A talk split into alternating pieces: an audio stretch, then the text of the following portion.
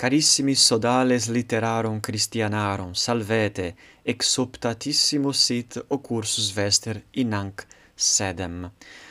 Iam abemus tertiam pelliculam, uius seriei, quae vocatur Historia Sacra, in qua legimus et explicamus opus quod composuit sacerdos quidam Francogallus nomine Lomond, qui seculo duo de vicesimo floruit opus sciricet quo ille summarium facit omnium illarum fabularum sacrarum scripturarum. Ergo est quasi summarium totius sacre scripture. Et preteritis pelliculis preteritis duabus pelliculis iam multa vidimus. Iam legimus de hominis et mundi creatione et de primo peccato quod commiserunt Adamus et Eva et odie transimus ad tertiam partem ad tertiam pelliculam. Et si tu nondum spectavisti primas preteritas pelliculas suadio ut hoc primum facias ut melius intellegere possis. Ergo agrediamur ad tertiam partem uius seriei. Ergo Adamus et Eva fecerunt id quod Deus vetuit. Deus vetuit fructum arboris scientiae boni et mali. Sed Eva, verbis serpentis decepta, decerpsit fructum, commedit et dedit Adamo, qui idem fecit. Nunc autem Deus, Deus eos querit. Deus ad paradisum venit et eos querit. Videamus quid factum sit. Adamus fugiens conspectum Dei se abscondit. Deus vocavit illum, Adame, Adame, qui respondit, timui conspectum tuum, et abscondi me. Cur times, inquit Deus, nisi quia commedisti fructum vetitum.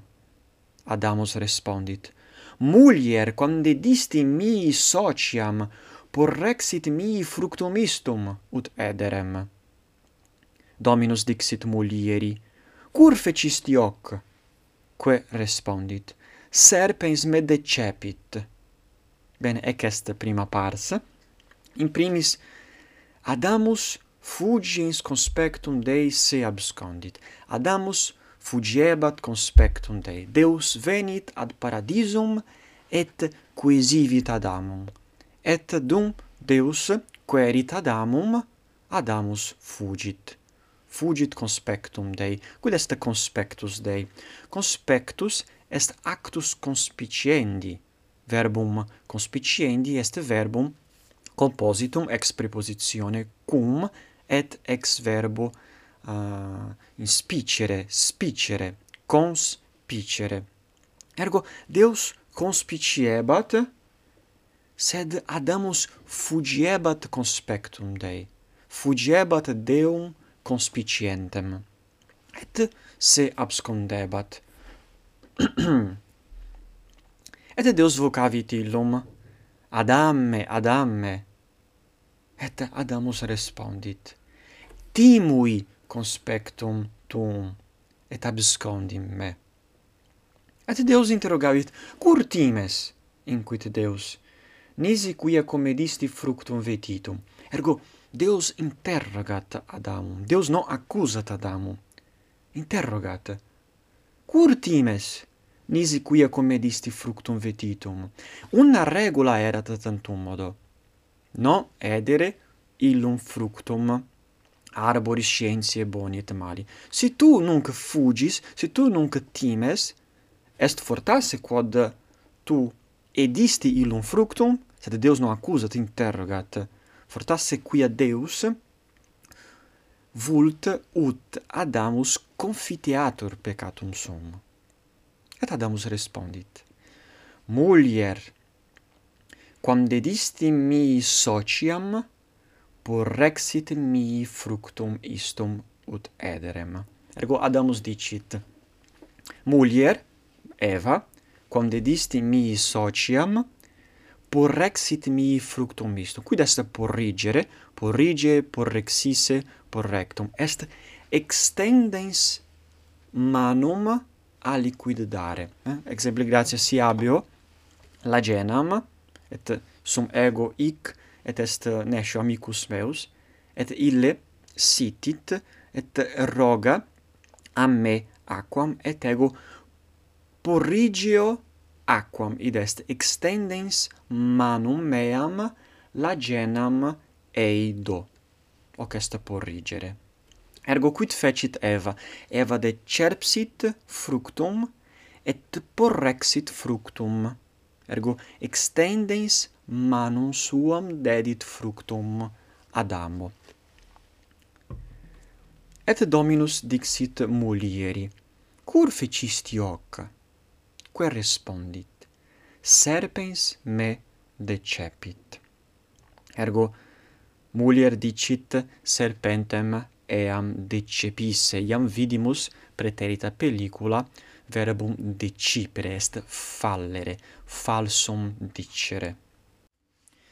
Dominus dixit serpenti, quia decepisti mulierem, eris odiosus et execratus inter omnia animantia, reptabis super pectus et comedes terram.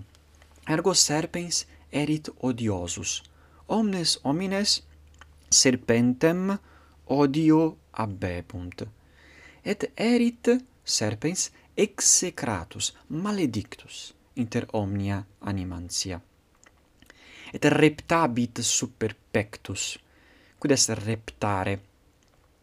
Serpens non habet pedes, sicut homines. Homines pedibus ambulant. Serpe, serpentes cum pedes non habeant, non ambulant, sed reptant. Pectus traens progrediuntur.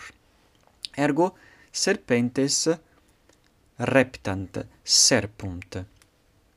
Et serpens commedet terram. Quia homines exempli gratia habent uh, caput in illa parte quel longissime distat ab terra. Sed serpens habet caput ad terram, iuxta terram. Itaque commedet terram. Inimicitie erunt inter te et mulierem, ipsa olim conteret caput tuum. Ergo Deus statuit inimicitias inter serpentem et mulierem, et ipsa mulier conteret caput tuum, conteret olim. Olim referre potest sive ad res futuras sive ad res preteritas. Sed ut nos possumus uh, conicere ex ipso tempore verbi olim in ac sententia refert ad res futuras cur quia verbum conteret est tempus abet tempus futurum.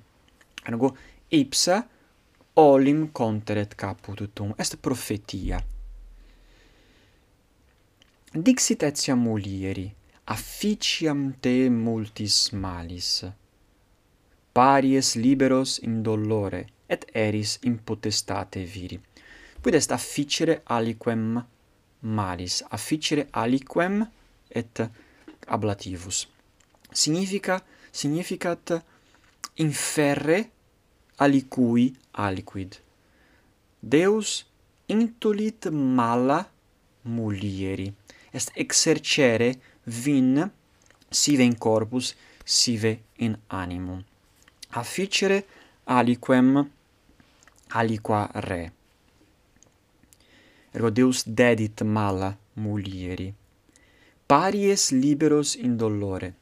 Verbum est parere, peperisse, partum, significat filios edere. Paries liberos in dolore et eris in potestate viri deinde Deus dixit Adamo, quia gesisti morem uxori tue, abebis terram infestam. Ea fundet tibi spinas et carduos. Bene, iam habemus in ac prima sententia locutionem, morem alicui alicui gerere. Quid est morem alicui gerere? Est obedire, obsequi el facere id quod alter facit id quod ali faciunt es morem gerere alicui ergo si eva sumpsit decerpsit fructum et edit adamus morem gessit ei id est fecit id quod eva fecerat assentitus est ei. abebis terram infestam. Infestus, infesta, infestum, est adjectivum, quod significat, ut legere potestis, significare potest inimicum, adversum, molestum, hostilem, ergo terra infesta est terra adversa, terra molesta. Cur, cur infesta, ea fundet tibi spinas et carduos. Ergo, spine, sunt ille partes arboris ac, ah, ille partes herbarum aculeate nomne sicut eh, ec pars ergo si sumimus rosam ex gratia in rosa sunt spine et spine habent sumitates aculeatas et si tangimus digito pungunt spine pungunt digitum nostrum. Ergo terra fundet tibi, quid est fundere, est emittere. Fundet tibi spinas et carduos. Et carduos est erba, est genus herbarum, sicut spina. Spina habet partes aculeatas, et carduus quoque est erba, que habet spinas, que habet partes aculeatas et partes quae nocent homini qui opus facit in terra qui arat terram qui colit agros. Queres ex ea ex terra victum cum multo labore donec habeas in terram et qua hortus es. Ergo nunc deus a uh, hoc dicit quod ut vidimus Deus finxit corpus hominis et terra. Omne Deus sumpsit corpus hominis et terra. Et nunc dicit, Queres ex ea, ex terra, victum, victus est cibus quotidianus, cibus necessarius. Queres ex ea victum, cum multo labore, donec abias in terram, id est, donec fias terra. Ergo, homo venit ex terra, e qua ortus est, e qua ortus est, ergo homo venit ex terra et habibit in terram. Ex terra factus est et terra iterum fiet. Tum eiecit Adamum et Evam ex orto, ex paradiso, ut ille colleret terram. Et collocavit angelum, qui preferebat manu gladium igneum, ut custodiret aditum paradisi. Ergo Deus eiecit, eiecit Adamum et Evam ex orto, ex paradiso, ut Adamus colleret terram.